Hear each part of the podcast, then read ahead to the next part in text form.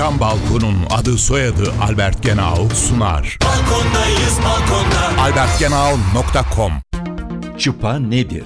Çıpa ya da İngilizcesiyle nominal ankor, ekonomik karar alma süreçlerinde referans olarak alınan büyüklükleri ifade etmek amacıyla kullanılan bir terimdir.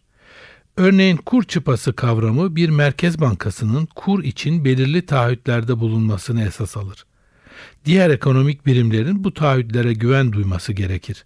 Eğer böyle bir güven ortamı oluşmuşsa o zaman alınan ekonomik kararlarda kurdaki değişimlerin esas alınması ve fiyat, ücret artışı, yatırım gibi kararların kur politikası çerçevesinde şekillenmesi belirlenir.